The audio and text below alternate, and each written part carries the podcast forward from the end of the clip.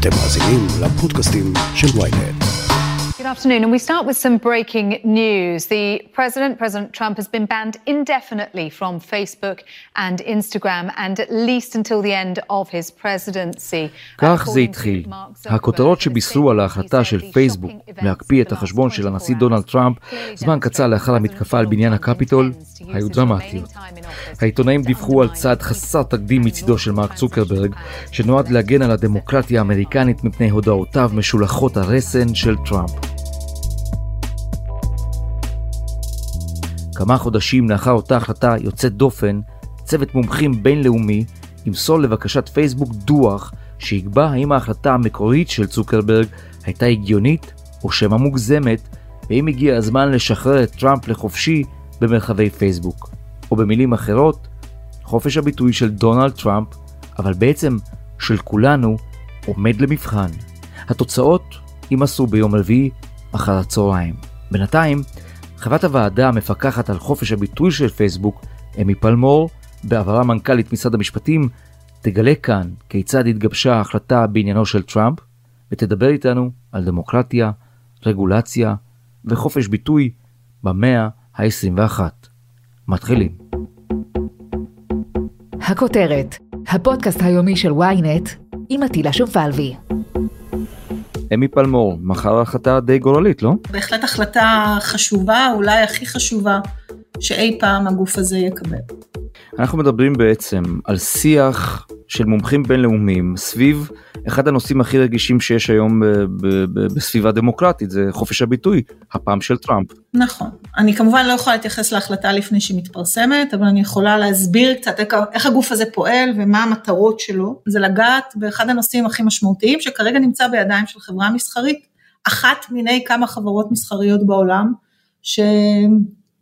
שמנטרות את כל השיח. למי שלא יודע אנחנו מדברים בעצם על החלטה ש-20 אנשים ברחבי העולם צריכים לקבל בעניינו של דונלד טראמפ לשעבר נשיא הברית שהחשבון שלו בפייסבוק פשוט הוקפא. החשבון עדיין פעיל אפשר לראות אותו אפשר לראות את התכנים של החשבון גם האינסטגרם וגם פייסבוק אבל אי אפשר אה, להעלות בו תכנים חדשים. ואז בעצם אתם נתבקשתם לדון בדיעבד בהחלטה הזו האם היא מוגזמת לגיטימית לא לגיטימית איך ניגשים לסוגיה כזו.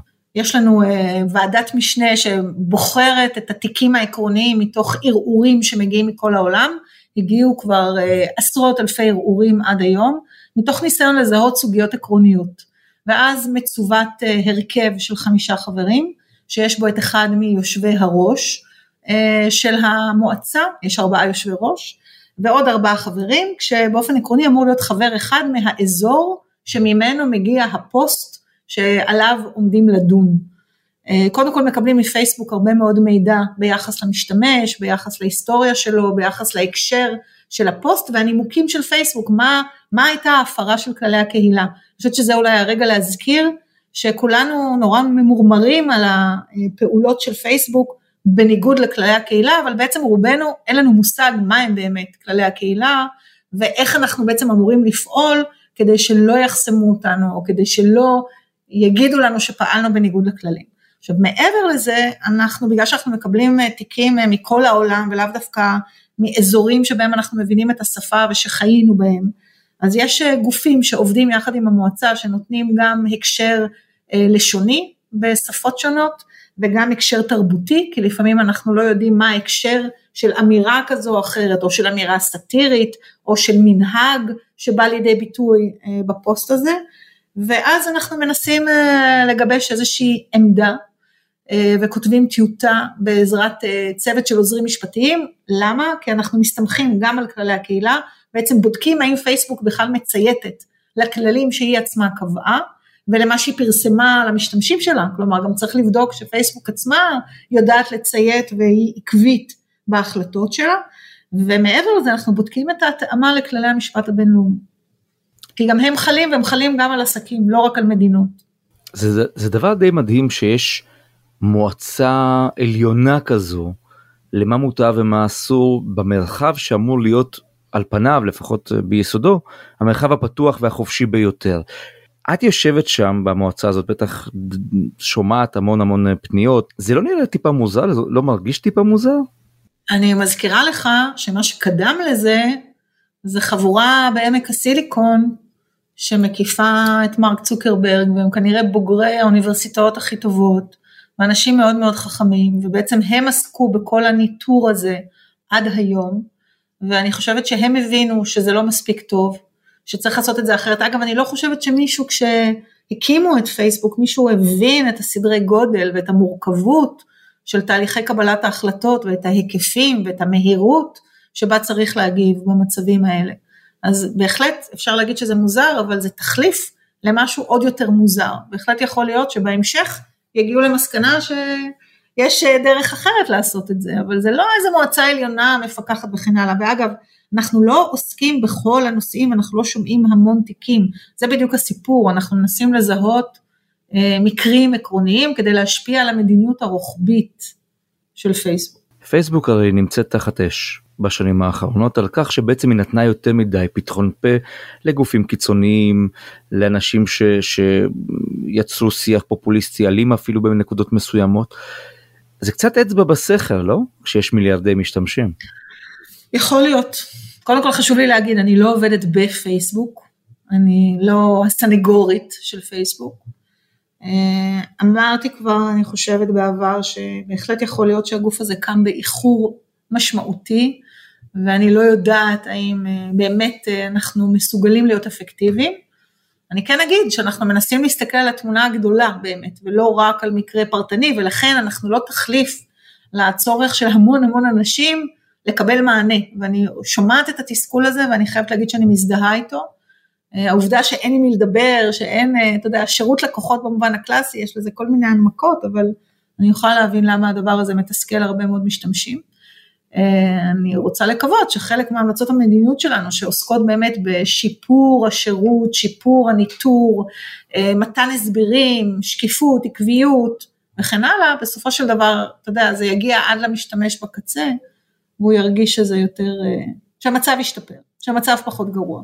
הסוגיות של דונלד טראמפ כמובן הוא התעמת גם עם אה, טוויטר וגם עם פייסבוק זה הגיע לקונגרס האמריקני וגם דורסי וגם צוקרברג ישבו שם שעות וניסו להסביר בעצם את המדיניות כמובן שהרפובליקנים השמרנים בארצות הברית אמרו זו סתימת פיות.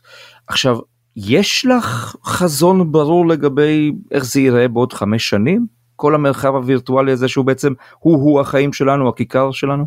ברור שיש לי איזושהי תפיסת עולם שמבינה את החשיבות של חופש ביטוי, שמכבדת זכויות אדם, אה, ובעיקר, אני חייבת להגיד, שרואה, ראיתי קודם כל לאורך כל השנים, וגם בהקשר הזה אני מרגישה שזה סוג של המשך טבעי, אני רואה את האזרח הקטן מול כוחות גדולים ממנו, ואת הצורך לתת לו פתחון פה, וגם הצורך להגן עליו במובנים רבים, מול גופים שמרגישים שהם פחות חייבים דין וחשבון.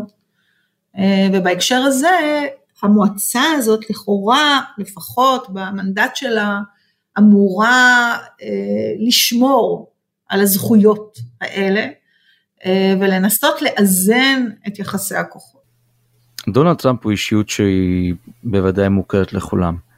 מבלי להיכנס להחלטה שתתפרסם, את יכולה להגיד מה הגבולות האדומים שאת רואה לנגד עינך בשיח כזה של פוליטיקאי בכיר?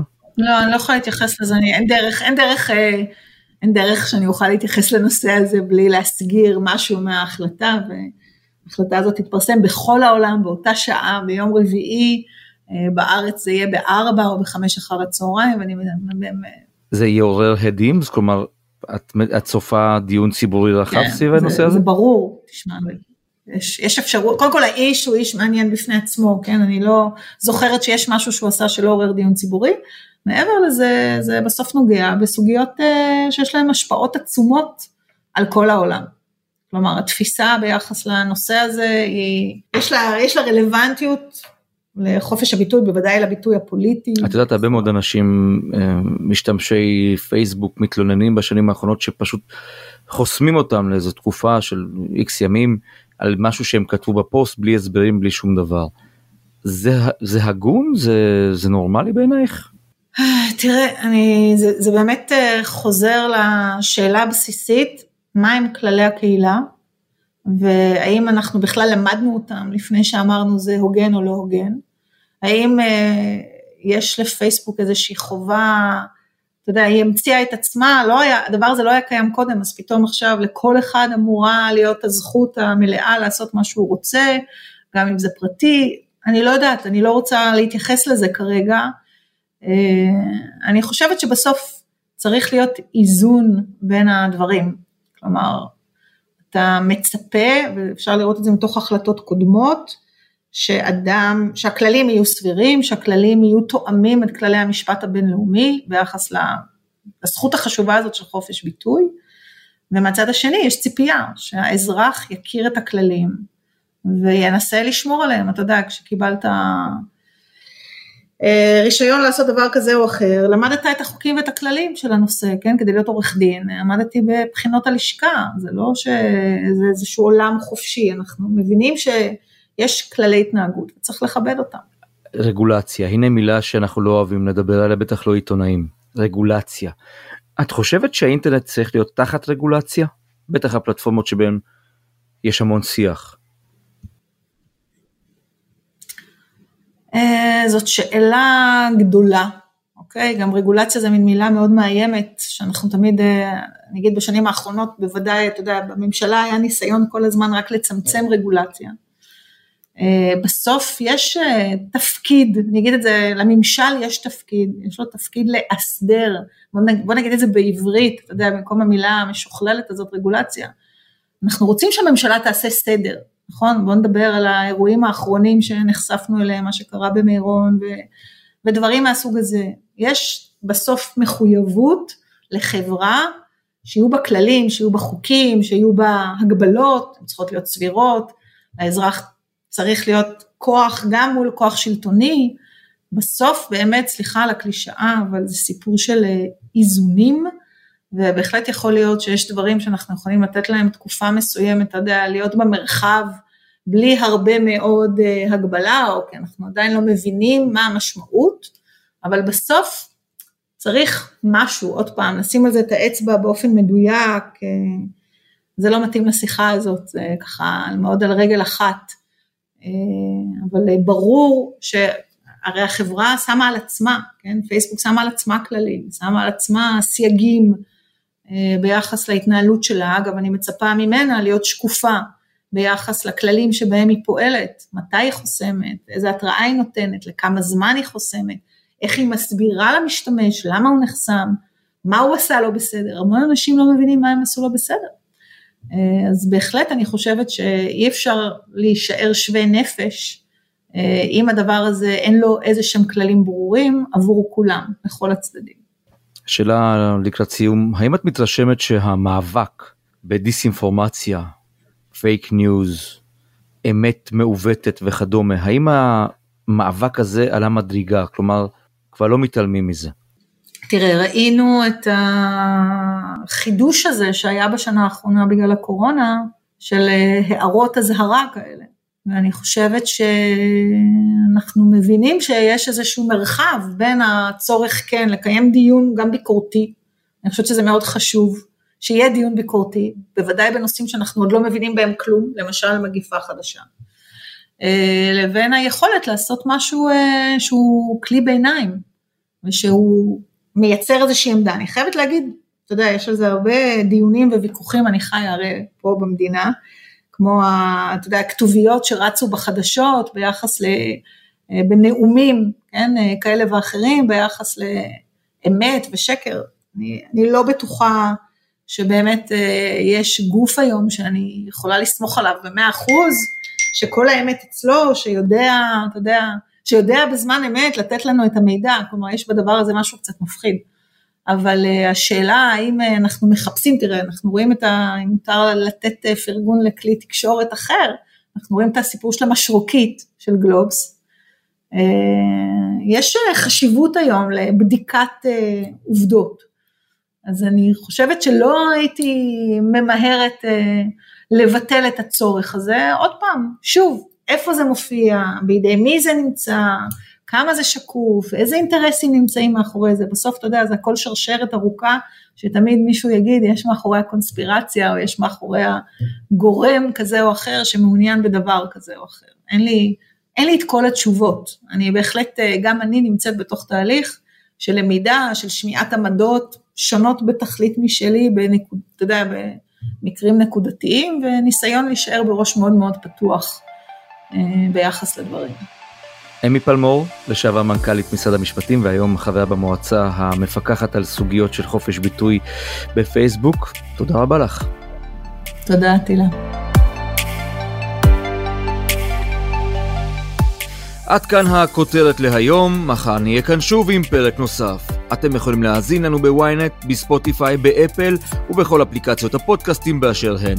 אם יש לכם הערות, בקשות או רעיונות, אתם מוזמנים ליצור קשר באמצעות האימייל podcaststrudelwynet.co.il ולפנות אליי ישירות דרך הטוויטר או דרך הפייסבוק. נשתמע מחר.